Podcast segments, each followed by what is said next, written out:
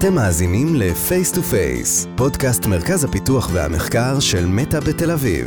כאן נדבר על המוצרים, הטכנולוגיות החדשות, התרבות הארגונית והאנשים שמאחורי כל אלו.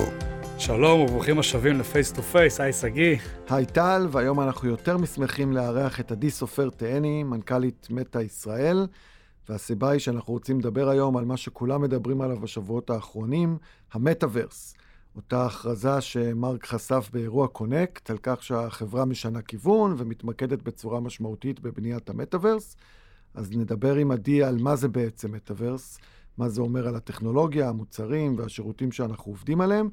אנחנו מתכוונים שזה יהיה פרק ראשון מתוך סדרה של פרקים בנושא, כדי להסביר יותר טוב ובעברית על מה אנחנו מדברים כשאנחנו מדברים על מטאוורס. אז בואו נתחיל. היי עדי, ברוכה הבאה. שמחים מאוד שאת איתנו. לפני שנתחיל, ולמרות שלא נראה לי שיש מישהו שלא מכיר אותך, נשמח אם uh, תציגי את עצמך, את מטא ישראל, ומה הכי, שהכי מעניין את המאזינים שלנו בדרך כלל, זה איך uh, בכלל הגעת לפה ולתפקיד הזה במטא. וואי, אהלן טל ואהלן שגיא, ואיזה כיף להיות כאן היום ולדבר איתכם. אה, אז, אז לדבר קצת עליי ועל, על, אולי נתחיל רגע לדבר על מה מטא עושה בישראל ועל המשרד המקומי שלנו כאן. אה, האמת היא שזה סיפור מרגש וכיפי. אה, אנחנו הקמנו את המשרד לפני שמונה שנים, עוד מעט, שמונה.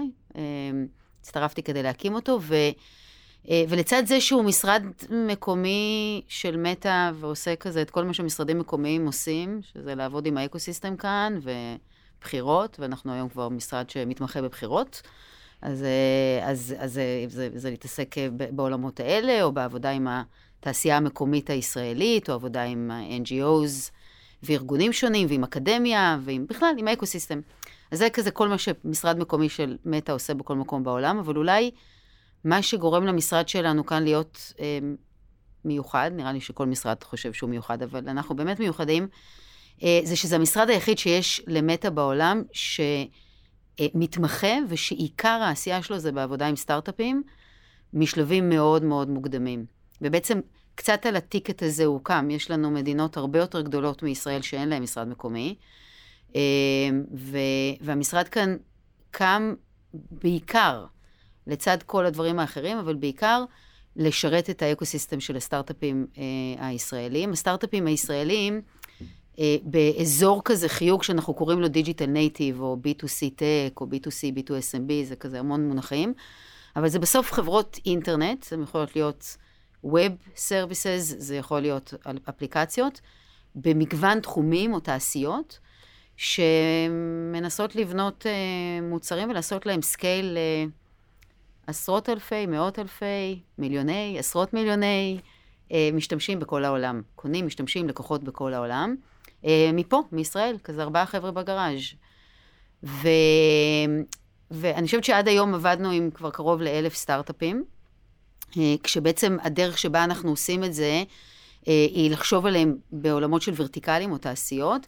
אז התעשיות הרלוונטיות אה, זה לצורך העניין סתם נגיד פינטק, אז תחשבו על חברות כמו Lemonade ו eToro, מה שאנחנו קוראים לו B2B SaaS, שזה B2B שמתנהג קצת כמו B2C, בסוף software שהוא נמכר כזה כתוכנה שמאוד קל להשתמש בה. אה, אז זה חברות כמו Wix ו Monday, אה, כל העולם של digital health, שהוא תחום סופר חם ו- וצומח בישראל, אז חברות כמו K-Health That Works ו OrCam, העולמות של marketplaces, Fiverr, זו דוגמה טובה, אה, כל מה שאני, שאנחנו קוראים לו העולם של אפליקציות, ומה שאנחנו קוראים לו קצת Consumer Apps. אז JoyTunes, Lightricks ועוד Via, עוד, עוד מלא כאלה בעולם הזה, Waze. אה, ואז התחום, התחום האחרון ששווה להכיר אותו זה העולם של entertainment ו media, שגם הוא תחום שיש בו המון המון יזמים וסטארט-אפים ישראלים, Eko, סופר מפורסם, First Media ועוד ועוד ועוד. אז זה בעצם הדרך שבה אנחנו מסתכלים על התעשייה, ועובדים איתם משלבים של garage, ממש ממש מההתחלה, עם תוכניות סטארט-אפים, ואחר כך לאט לאט כשהם גדלים עם, עם כזה 360, מעטפת 360, שגם עוזרת להם לפצח product market fit ואסטרטגיות צמיחה מצד אחד. מה זה אסטרטגיות צמיחה? זה באיזה גיאוגרפיות פועלים, מה המוצרים שלך, מה המודל העסקי, אה, מי ה audience שאתה פונה אליו ואיך אתה מגיע אליו, מצד אחד, ומצד שני, איך משתמשים בפלטפורמות שלנו, פייסבוק ואינסטגרם בעיקר, לממש את האסטרטגיות צמיחה האלה ולעשות את ה scale הזה, לעשות בעצם online sales או online acquisition או online marketing, שמאפשר להם בעצם להגיע ללקוחות האלה ולהפוך אותם ללקוחות של המותגים. ושאלתם עליי, אז קודם כל אני אגיד שאני חגגתי 50 השנה. יש לי שתי בנות, נשואה ליזם. ו... ולמטה הגעתי אחרי, אז, אז מנכ"לתי את 88 כמה שנים, ואז עזבתי, ובמשך כמה שנים עבדתי וליוויתי המון המון סטארט-אפים בעולם הזה של מה שאני קוראת לו אינטרנט או B2C טק, מכל, בכל מיני אה, אופנים, גם כמשקיעה וגם יועצת וגם בורד. וזה שנים, אה, אנחנו כזה מדברים על נגיד 2010, משהו כזה, קצת, קצת יותר מעשור אחורה, אה, וזה שנים ש-B2C זה מילה גסה בישראל. זה כאילו מין התייחסות של התעשייה ל-B2C טק בתור לא ממש טק. זה מצחיק אותי שאני חושבת על זה, אבל המון יזמים שככה פתאום הבינו שהאינטרנט, הדבר הזה קורה, והטכנולוגיות פתאום פוגשות את משתמש הקצה, כן? לא, הן לא רק משרתות חברות, אלא הן פתאום מגיעות ממש לכיס שלנו. והשוק האמריקאי מתפוצץ עם סטארט-אפים ויזמים, אחד אחרי השני. ובישראל היזמים לא מצליחים לגייס כסף. מתחילים להיות כאן יזמים ורעיונות, וככה באמת כמה חבר'ה בגראז' ואני פוגשת אותם לפעמים אפילו עשרה סטארט-אפים בשבוע, והאתגר הכי גדול שלהם זה שאפילו לא חוזרים להם אל הטלפון. כזה, תחשבו על זה והיום, שהיום הם מתקשרים ולא עובר יום והם כבר סוגרים סיבוב, אבל לפני עשור לא חזרו אליהם, ו- וזה נבע מזה שהיו כאן כמה פרדיגמות, תפיסות עולם בשוק שחלקן היו נכונות. אחד, זה שאין כאן מספיק יזמים שמבינים B2C, שאין אנשי מוצר שמבינים איך לבנות מוצרים ל consumers. אמ, אין, אין, אין מספיק אנשים שמבינים איך בונים מודלים עסקיים, ובעיקר, אולי לא בעיקר, אבל שקרנות ההון סיכון לא כל כך יודעות איך להשקיע. זאת אומרת, איך לעשות אבליואציה, איך נראה יזם טוב מול יזם לא טוב, אמ, איך נראה מודל עסקי טוב, כן? מה זה product market fit בעולם של consumer. אז זה עשור אחורה. ואחרי כמה שנים שליוויתי לא מעט סטארט-אפים, והייתי מעורבת עם לא מעט, אה, פייסבוק אז התקשרו ואמרו שרוצים להקים משרד. והאמת היא שהייתי בדרך להקים סטארט-אפ. היה כזה כבר רעיון כתוב יפה במחברת, ואפילו קבוצה של אנשים שהתכוונתי אה, לקחת איתי. אה, ו... והתלבטתי ליום. אה, והכנסתי את המחברת למגירה, היא עדיין שם, הרעיון עדיין רלוונטי. כזה fast forward שמונה שנים. אבל פתאום הייתה לי ההבנה שההזדמנות הזאת היא של לגדל בישראל את הרגל הזאת בתוך Start-Up Nation, של אינטרנט, של דיגיטל, של B2C, ולהפוך אותה על גלי הצמיחה של האינטרנט לרגל ענקית ומשמעותית ובועטת, זאת הזדמנות ממש גדולה, וכדי שהיא תצליח, צריך שיהיה כאן אה, משרד של פייסבוק ממש חזק, שזה מה שהוא ידע לעשות, וזה מה שעשינו, שמונה שנים. אז נראה שעכשיו יש ממש אה, רגע דומה כזה. כאילו, נכון. דיברת על B2C, והנה עכשיו יש מטאוורס ו-Web 3.0 וכל הדבר הזה, אז אולי כאילו ניגש ישר לעניין, ומה זה המטאוורס הזה שאנחנו מדברים עליו, לא רק אנחנו, ושכולם מתלהבים, לא רק אנחנו, אה, ואיפה זה פוגש אותך בדיוק מה, מהקונטקסט ש- שעכשיו תיארת. מה, לא רק אנחנו מתלהבים, שגיא? נראה ככה. האמת שלא רק אנחנו, זה נראה לי כזה השיחה, אני בטוחה שגם אתם מרגישים את זה, זה אני לא חושבת שיש יום שלא שואלים אותי, ו, ויש מין תחושת התרגשות באוויר, עם הרבה מאוד סימני שאלה של גם מה זה ואיך זה ייראה ואיך זה ישפיע עלינו, אבל, אבל אולי, אולי באמת, אז דיברת כזה על, על, על האבולוציה של האינטרנט, ו, וזה משהו שכנראה כולנו נשמע הרבה, אז שווה רגע לסדר את זה ו, ולסדר לעצמנו את זה בראש. אז באמת, השינוי הגדול שקרה באינטרנט היה מעבר מ offline ל online. זה ה... ה-0.0, נכון? ל-1.0. אז Web 1.0 בעצם לקח את המרחב האופלייני שבו אנחנו התנהלנו. התנהלנו סוציאלית, התנהלנו כלכלית, התנהלנו בכל דרך. צרכנו, קנינו, למדנו, דיברנו. אז הוא לקח את המרחב האופלייני הזה והעביר חלקים ממנו לאונליין. ועדיין עושה את זה. נכון? אז זה היה ה-Web 1.0, וזה היה שינוי מאוד מאוד גדול, הפרק הזה, מהפכה מאוד מאוד גדולה. ואז הפרק השני העביר אותנו מווב למובייל, נכון? מדסטופ למובייל, ומעולם של תוכן שנמצא בווב לתוכן שנמצא במובייל, שחלקו היה ווב וחלקו היה אפס. ואז אנחנו בפתחה של הפרק השלישי. אבל אולי לדבר כזה על זה שהפרק הראשון והפרק השני היו מאוד משמעותיים, והם העצימו המון חוויות שלפני זה לא היה לנו אה, בכלל כזה בעולם האופלני יכולת בכלל אה, לדמיין אותם. אה, ואני חושבת שלהבין גם את מה הם הביאו וגם את מה הם לא הביאו, מסביר לנו את ההזדמנות של Web 3.0, שזה עולמות של AR ו-VR ו-XR.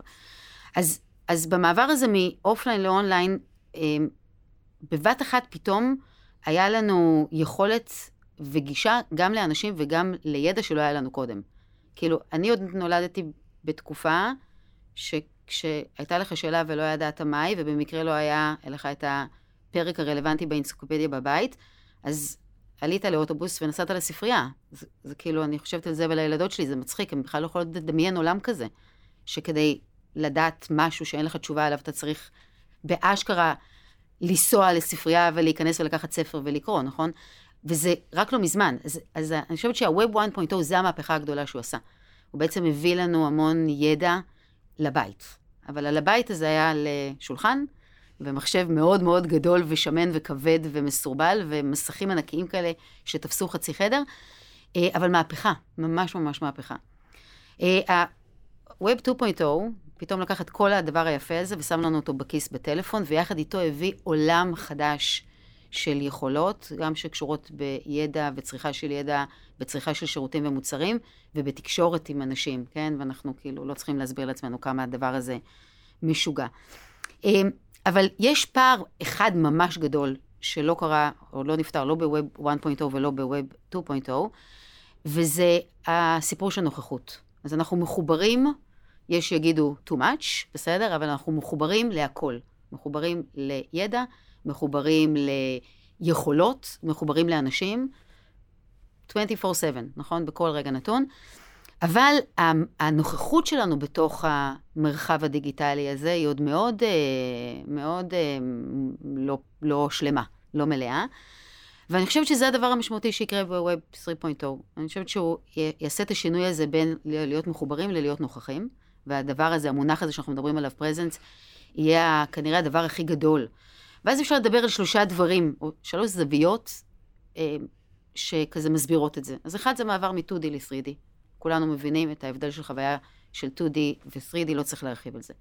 הדבר השני, זה ההבדל בין החוויה הזאת של להסתכל על מסך, גם אם הוא כל הזמן איתנו ביד, אבל זה להסתכל עליו, וקצת להיות בתוכו. נכון? זה כאילו הסרטים האלה של פעם שראית את הטלוויזיה ואז פתאום נכנסת לתוכה. אז זה להסתכל על החוויה קצת מבחוץ היום, מול להיות בתוך החוויה. אה, והדבר השני קשור באנשים, או הדבר השלישי, סליחה, קשור באנשים, וזה ההבדל הזה שאנחנו כולנו חווים היום בזום, או בווידאו, ב... של, זה כאילו לראות את האנשים ב-2D הזה על המסך, מול ממש ממש להרגיש שאנחנו איתם, גם אם הם בקצה השני של העולם. עכשיו, למה, למה זה מלהיב, כל הדברים האלה, מעבר לזה שיש כאן המון יכולות טכנולוגיות מגניבות ומשהו חווייתי מגניב? זה מהמם, כי פתאום כשמתחילים לחשוב על האופן שבו זה ישפיע לנו לחיים, הראש מתפוצץ. בש, בשבילי לפחות, אני לא יודעת איך אתם, אבל... אז אני חושבת על, על זה שזה הולך להשפיע לנו על כל תחום בחיים. בדיוק כמו שווב ומובייל השפיעו לנו על כל תחום בחיים, ווב 3.0 הולך להשפיע לנו על כל תחום בחיים. על האופן שבו אנחנו לומדים, והאופן שבו אנחנו צריכים תוכן, והאופן שבו אנחנו קונים, והאופן שבו אנחנו מתקשרים. ואז אני חושבת על הבת שלי, בת ה-16, שלומדת היום מדעי המוח, ואני חושבת שזה ממש מגניב, נכון? קצת הייתי חייבת להשוויץ. אז, אה, אז היא לומדת מדעי המוח. עכשיו, זה כבר מגניב, כי היא לומדת, היא, אנחנו גרים מאוד רחוק ממכון ויצמן, והיא לומדת במכון ויצמן. איך היא עושה את זה? אינטרנט. בסדר? זום, יש מורה, חלק גדול מהחומר כבר נמצא לה באינטרנט, היא לא צריכה להיות כמונו, או כמוני, אני יותר זקנה מכם, אז כמוני בשיעור פיזית עם לוח וגיר, כמו שלמדנו פעם. אז היא כבר יכולה ללמוד המון דברים באינטרנט, והיא יכולה לפגוש את המורה שלה בזום. מגניב, אבל חוויה ממש ממש חלקית. ועכשיו אני מדמיינת את איך היא תלמד את מדעי המוח בעולם של מטאוורס. היא, אחד המורה שלה יהיה איתה. הוא לא צריך, גם אם הוא נמצא במכון ויצמן, הוא יכול להיות איתה, נכון? אז זה אחד, משמעותי. אבל השני, זה שהם שניהם יהיו בתוך המוח. היא לא תראה תמונות של המוח, היא לא תקרא על המוח, היא באשכרה תבין את המוח מתוך המוח. ופתאום ההבנה שכל עולם הלמידה שלנו הולך לקבל מימד, שאנחנו כבר שנים מחכים למהפכה הזאת שתשנה את עולם ה-education, נכון? והנה, הנה היא בפתחנו, היא תאפשר לנו ללמוד עם המרצים הכי טובים בעולם, אבל ממש להיות איתם בכיתה, ומצד שני לחוות חוויה לימודית בצורה שלא למדנו אותה אף פעם. תדמיינו מה זה יעשה לעולם התיירות, אוקיי? בתור אחת שיכולה לבזבז ימים על לבחור מלון. אז ההורים שלי קנו מלון, לא היה אינטרנט. אז הם קנו מלון והם הגיעו, ומה שנקרא... מה שיהיה. מה שיהיה, כאילו, החדר פשפשים נפלו, אין, לא היה להם שום דרך לדעת. אנחנו כבר קונים מלון מזה שאנחנו רואים את התמונות ב- ב- ב- באינטרנט, ומקבלים קצת פידבקים מחברים והכול. אבל בעולם של המטאוורס אנחנו נבחר את החדר לפי הזווית של הנוף, כי אנחנו ניכנס לחדר ונראה בדיוק אם אני אוהבת את השטיח או לא אוהבת אותו, ו- ומה רואים מהחלון, ואם זה החדר שמתאים לי או המלון שמתאים לי, וכנ"ל לוקיישנים ועוד ועוד ועוד, אז איזה, איך זה ישנה? אולי בכלל נשאר בבית, לא? כי אנחנו יכולים לעשות את החופשה בבית. אמ, או שזה אז לא יחליף את זה. אז תראה, זו שאלה טובה, טל, והרבה פעמים שואלים את זה, ואני חושבת שזה קצת דומה לזה שאמרו על זה שכשתהיה טלוויזיה, אנשים לא יקראו יותר. וקוראים היום לא, לא פחות כנראה יותר, ואמרו שכשיהיה יהיה מובייל, אז אנשים לא יעשו ספורט. אני מסתכלת בחוץ, ואנשים יותר עושים יותר ספורט היום, ולא רק רואים ספורט, אלא גם עושים ספורט, וכנראה יותר מתמיד. נראה לי שגם וגם, יהיו לוקיישנים שאין לי סיכוי להגיע אליהם, אז אני אחווה אותם ככה, ויהיו כאלה שאני רק אדייק לעצמי לאן ומתי ואיך לעשות את זה הכי טוב שיש. אז נראה לי שזה הולך אה, כזה להפוך לנו את העולם, ורק תדמיינו מה זה יעשה ל-social interaction.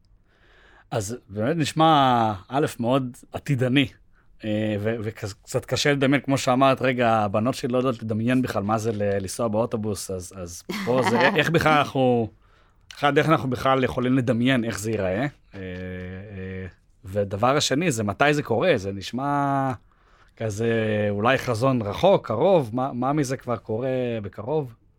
אז אני, אני קודם כל חושבת, זה ממש מגניב לחשוב על ציר הזמן הזה של, כן, הילדים שלנו היום לא יודעים מה זה לנסוע באוטובוס, ו, אמ, ורגע, איך זה ייראה בעוד עשר שנים. זה באמת חזון אמ, רחוק. אני, אני לא חושבת שזה משהו שקורה בסקייל משמעותי מחר בבוקר. אז אני חושבת שזה משהו שהולך ללוות אותנו בעשור הקרוב, וכנראה ממש יתממש בין חמש לעשר שנים. זה, זה ככה זה נראה. וזה חזון שמרק מדבר עליו כבר די הרבה זמן, הוא כבר מ-2014 סימן את זה בתור הדבר הגדול הבא, חוויית אינטרנט הגדולה הבאה, החוויה הסוציאלית הגדולה הבאה, שתשנה את האופן שבו אנחנו מתנהלים חיים ובעיקר אה, מתחברים זה לזו. אה, אבל להבדיל מטכנולוגיות אה, אה, כאלה מאוד ארוכות טווח, מאוד ויז'נריות, אני חושבת שמדובר כבר במשהו שנמצא על ציר הזמן. בסדר? זה לא כזה משהו שאנחנו נמצאים היום ואומרים, זה הולך לקרות בעוד עשר שנים. זה הולך אולי לק- לקבל מגניטות מאוד משמעותי בעוד עשור, אבל זה כבר, אנחנו כבר על ציר הזמן, או אולי בכזה במילים יותר פשוטות, הרכבת כבר יצאה מהתחנה. וכל שנה תהיה מאוד משמעותית בהתפתחות. זה קצת מחזיר אותי ל-2007, 2008, והאייפון הראשון, וחנות האפליקציות הריקה שהייתה בו. ואני יכולה להגיד לכם שבאחת אה, אחת הישיבות שהיו לנו אה, בחברות הטק המובילות בארץ, ישבנו והסתכלנו על האייפון הזה, וההסכמה בחדר הייתה שמדובר בגימיק. אה, אז כן, אז יש אנשים שיחשבו שזה עוד מאוד רחוק וקצת גימיקי, ואני חושבת שיש הרבה אנשים שיבינו את, את זה שזה שזה ייקח זמן, לא אומר שהאימפקט לא הולך להיות ענק, ושהשנים הקרובות הולכות להיות מאוד משמעותיות בעיצוב גם של הדבר הזה וגם בהבנה של מי יהיו השחקנים הרלוונטיים. אז אז אם מדברים על שחקנים רלוונטיים, אז, אז המטאוורס הזה זה משהו שמטא מתכוונת לבנות לבד ולתת לעולם, כמו נגיד הבלו-אפ, או שזה משהו שאנחנו מתכוונים לבנות עם חברות אחרות שנגיד מדברות על, על מטאוורס, איך, איך זה הולך לקרום עור וגידים. כן, אז זה- האמת היא שמרק צוקרברג מדבר על זה ממש יפה, אני חושבת שהוא ככה, אנחנו, הוא מדבר על זה שאנחנו ממש ממש לא מתכוונים לבנות, המטאוורס הוא לא שלנו, It- it's a thing, כמו שהאינטרנט הוא לא של אף אחד, גם המטאוורס הוא לא של אף אחד. אה, אנחנו מתכוונים להיות, אה, אני מקווה, meaningful player בלבנות עבורו, בלעזור לבנות אותו. זה, זה, הוא לא שלנו והוא לא של אף אחד, אבל אנחנו רוצים לעזור לבנות אותו, לצד עוד הרבה אחרים שיבנו אותו. וגם לקחת חלק משמעותי בלעזור לבנות ecosystem מאוד מאוד משמעותי שיבנה עליו. אז זה גם צריך לבנות אותו וגם צריך לבנות עליו, נכון? זה כזה מין עולם חדש. צריך לבנות את העולם, ואז צריך להתחיל לשים דברים בתוך בתים בתוך העולם הזה, נכון? ואנשים בתוך העולם הזה. וה, ו, ומטא אה, אה, מתכוונת, אני מקווה, להיות חברה, ומרק מדבר על זה, אני חושבת, בצורה מאוד חדה, שתעשה הרבה בשביל לבנות עבור העולם הזה, ומצד שני, בשביל לייצר ecosystem של הרבה מאוד חברות, הרבה מאוד מפתחים, הרבה מאוד creators אה, אה, ויוצרים ו developers, שיקחו חלק ענק בלעשות את זה. אז הזכרת אה, בתחילת הדברים, שאחד הדברים שאת אה, הכי גאה בו, וגם אחת הסיבות שבאת למטא, הייתה התמיכה בקהילת הסטארט-אפים בארץ, והיכולת לעזור להם לגדול ולהצליח. אז בעולם שבו החברה מתמקדת במטאוורס, האם גם זה הולך להמשיך? כן, וואו, ממש. אז, אז למה אני ממש מתרגשת עכשיו? אחד, כי הסיפור הזה של מטאוורס הוא, הוא מהמם, ואני מן הסתם נורא מתרגשת לעבוד בחברה שהולכת לקחת, אה, להשקיע כל כך הרבה בבנייה של הדבר הזה, כן? זה, זה מטורף, וזה מרגש להיות ליד אה, צוותי הפיתוח והמוצר שלנו, ו... אבל הסיבה השנייה שאני מתרגשת היא ישראל. קצת מחזיר אותי אחורה לפני שמונה שנים כשהקמנו את המשרד. אמ, ואני יכולה להגיד לך שלסיפור אמ, הזה של Web 1.0 ו-Web 2.0, הגענו מאוחר, בדיוק בגלל הסקפטיות שהייתה אז, והתחושה שישראל היא כזה Deep Tech Nation, ולא Consumer Tech Nation. זה היה ההלך רוח אז, וזה גרם, גרם לנו לפספס את הרכבת הזאת שיצאה מהתחנה לפני קצת יותר מעשור, נגיד 15 שנים. הייתה תעשייה אחת שלא פספסה אותה, וזו תעשיית הגיימינג. היא הייתה היחידה שהייתה כאן, אבל חוץ מתעשיית הגיימינג, כל, בכל שאר התעשיות, ממש, תחשוב, כל, הרי כל עולם חיים שלנו מהאופליין עבר לאונליין. זה ממש, זה כל תעשייה. בכל שאר התחומים, בכל שאר ה verticals, היזמים הישראלים, קרנות ההון, קרנות ההון אה, סיכון הישראליות, הדבלופרס הישראלים, נכנסו יחסית מאוחר. אה, שנתיים, לפני שנתיים כזה, ערב הקורונה, כבר היה ברור שישראל uh, is in the zone בעולם של B2C, אבל כשאתה משווה את היזמים הישראלים, או את הסטארט-אפים הישראלים, את כל השמות הכי מגניבים שיש כאן, uh, לאלו האמריקאים, uh, אנחנו עדיין בפער, כן? כאילו, uh, אנחנו נורא גאים היום שיש לנו יוניקורנס, ממש, זה כזה הכי, הלב מתפוצץ מגאווה. יש כאן אפילו חברות מודפקות שכבר שוות נורס לעשרה מיליארד דולר. מטורף, משוגע. אבל החברות אינטרנט האמריקאיות שוות מאות מיליארדים. לא עשרות, לא מיליארדים בודדים, מאות מיליארדים. וחלק גדול מזה נובע, פעם אמרו שזה בגלל שהם אמריקאים ואנחנו ישראלים, ואני מקווה שהיום כולם מבינים כמה זה בולשיט. ואם לא, שיבואו לדבר איתי. אבל זה בעיקר נובע מזה שנכנסנו מאוחר, וכבר בחלק גדול מהקטגוריות היו שחקנים ממש מובילים, שכבר היה קשה לנצח אותם. אמ, אני מקווה שבווב 3.0 לא ניכנס מאוחר. זה איפה שזה מרגש אותי, כי הפעם, בניגוד לאיפה שהיינו לפני עשור, יש כאן כבר יזמים שמבינים B2C ואינטרנט, B2C, B2SMB, אינטרנט, בואו נקרא לזה, יש כאן יזמים שמבינים אינטרנט, יש כאן כבר אנשי מוצר שמבינים אינטרנט, יש כאן אנשי תוכן שמבינים אינטרנט, יש כאן אנשים שמבינים איך לעשות growth, איך לבנות growth strategy, ממש, איך, איך לפתח את, את אסטרטגיות הצמיחה של חברות אינטרנט, של חברות B2C, ויש כאן כבר הון סיכון שיודע להשקיע ב-B2C ובאינטרנט. אז הנה הציפייה, הנה החלום. החלום זה ש... שאם אנחנו מבינים שהמגרש המשחקים מתאפס, בסדר? כזה הלוח של הנקודות של Web 1.0 ו-Web 2.0, שכבר יש בו כמה חברות מובילות בעולם, או הרבה מובילות בעולם, מתאפס. ו... קו הזינוק הוא כזה קו זינוק חדש, והשחקנים שהולכים להיות בקו הזינוק ברגע שיריית הפתיחה כזה, מישהו יראה אותה, אה, הם שחקנים חדשים. זה אומר שיש עכשיו הזדמנות ענקית ליזמים הישראלים להיות אלה שיקימו את ה-100 ביליון דולר קמפני של המטאוורס. וה-100 ביליון דולר קמפני של המטאוורס זה חברות שעוד לא הקימו אותם. הם או במחשבות של מישהו, או אולי בגראז' איפשהו. אה, הם ממש ממש בחיתולים או בדמיון. אה, אבל בכמה שנים הקרובות אה, יתחילו להקים אותם.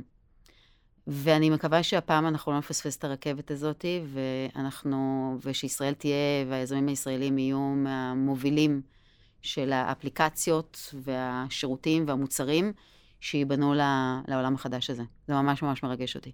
אז, אז מה בעצם אנחנו הולכים לעשות בישראל אם אני יזם ש, שעכשיו שכנעת אותו להתחיל לעבוד על איזה משהו בגראז'? כן.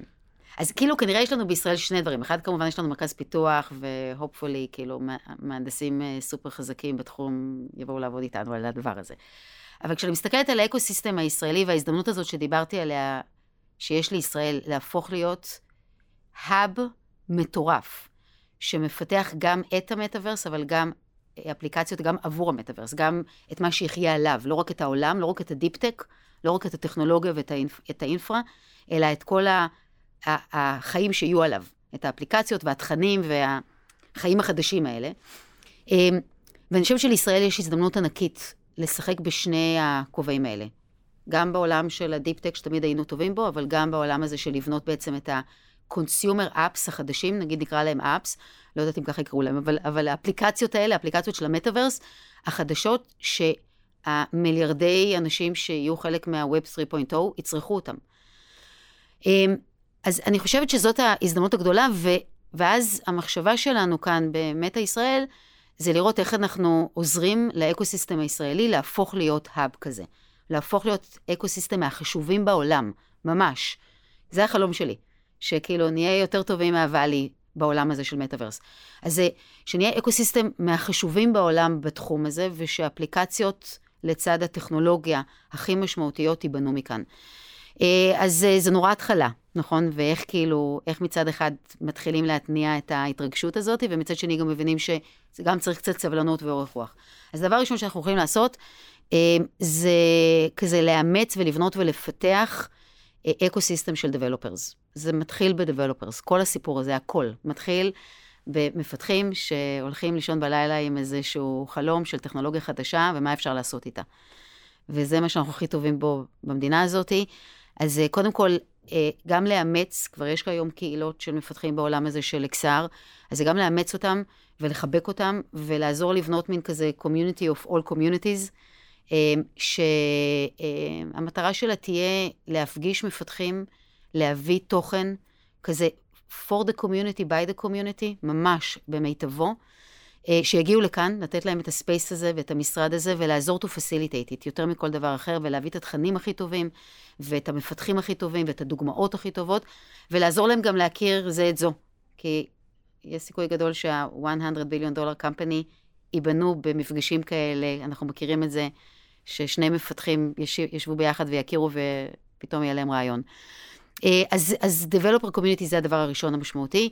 אה, אנחנו נרצה בשנים הקרובות להתחיל גם לפתח תוכניות סטארט-אפים ממש, אז ברגע שיתחילו לקום כאן סטארט-אפים עם אה, כזה ארבעה יזמים ב garage, אה, אז לעזור להם להצליח יותר על ידי זה שנבנה להם structure ותוכניות ותוכן אה, שכזה, אנחנו יודעים איך startup programs נראים, אנחנו עושים תוכניות סטארט-אפים כבר המון המון שנים כאן במשרד, ל-Web 1.0 ול-Web 2.0, בכל התחומים שדיברתי עליהם קודם, אז להמשיך לעשות את זה למטאוורס ולעזור לסטארט-אפים באמצעות תוכניות סטארט-אפים וליווי צמוד שלהם. אז זה יהיה דבר נוסף.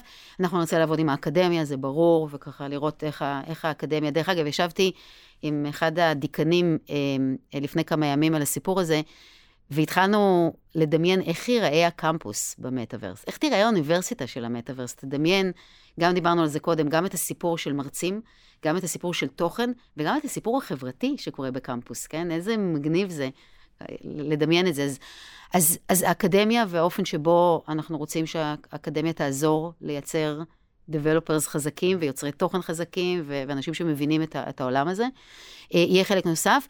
ובתוך אה, כל הסיפור הזה חברנו למרכז אה, פרס לשלום וחדשנות, שהם חברים טובים והם גורם כזה משמעותי בהאצה של הרבה מאוד מהמגמות הטכנולוגיות או מגמות החדשנות בארץ, הם בית של חדשנות, אז הם שותפים שלנו לכל, ה, לכל המהלך החשוב והמשמעותי הזה.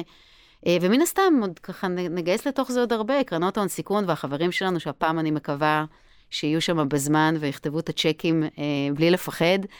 אה, והרבה סולט לידרס בתוך התעשייה, אבל זה מתחיל, מתחיל, לפני הכל, בקומיוניטי של ה-Developers, ואנחנו כבר ביום ראשון הקרוב פוגשים בפעם הראשונה, מפגש ראשון של מפתחים כאן ב...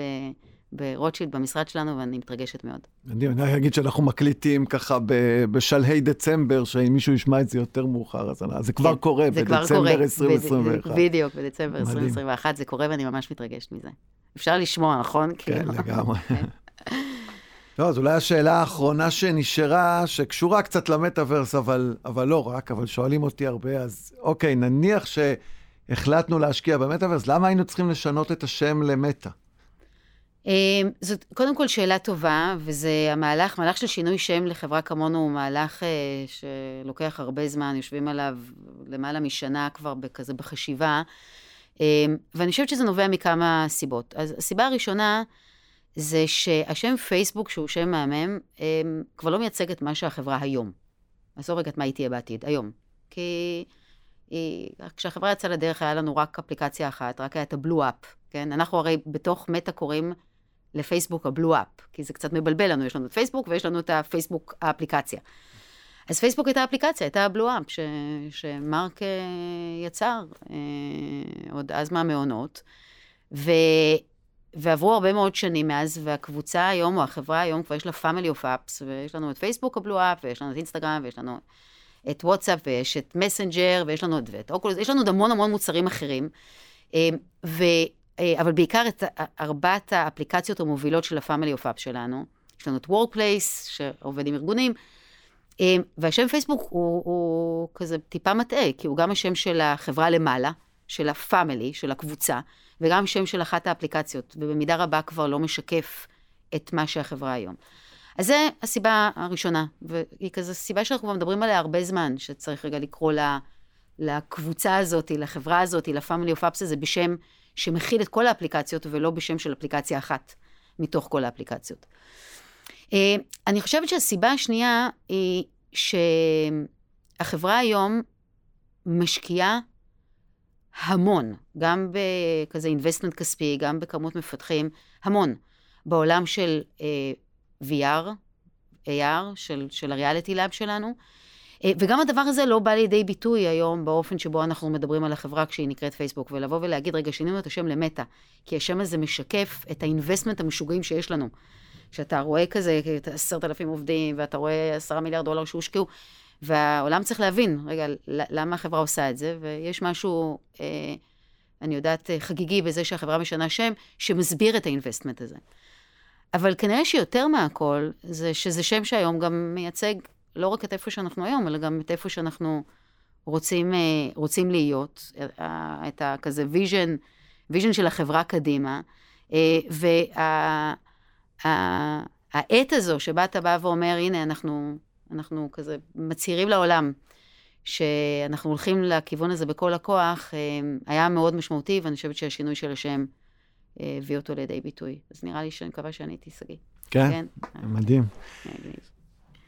טוב, אז אה, עדי, תודה רבה. זה היה, א', מלהיב בתור, אה, גם בתור עובד של מטא וגם בתור אה, מישהו שכבר שנים בתעשייה הזאת, ואני, כמו כולם, יחכה ו- ויעזור לבנות את, ה- את הדבר הזה. וזהו, מקווים שנהניתם עד כאן עוד פרק של פייס טו פייס. טוב, אז קודם כל אחד להגיד תודה, שגיא וטל, היה לי ממש ממש כיף להתארח, ותזמין אותי עוד. והכי חשוב, אה, אני כזה לכולכם, לכל מי שמקשיב, אל תשכחו לעשות לנו לייק. פרקים נוספים באתר f2ftlv.com, באפליקציות הפודקאסט המובילות, וכמובן בעמוד הפייסבוק שלנו, מטא בתל אביב.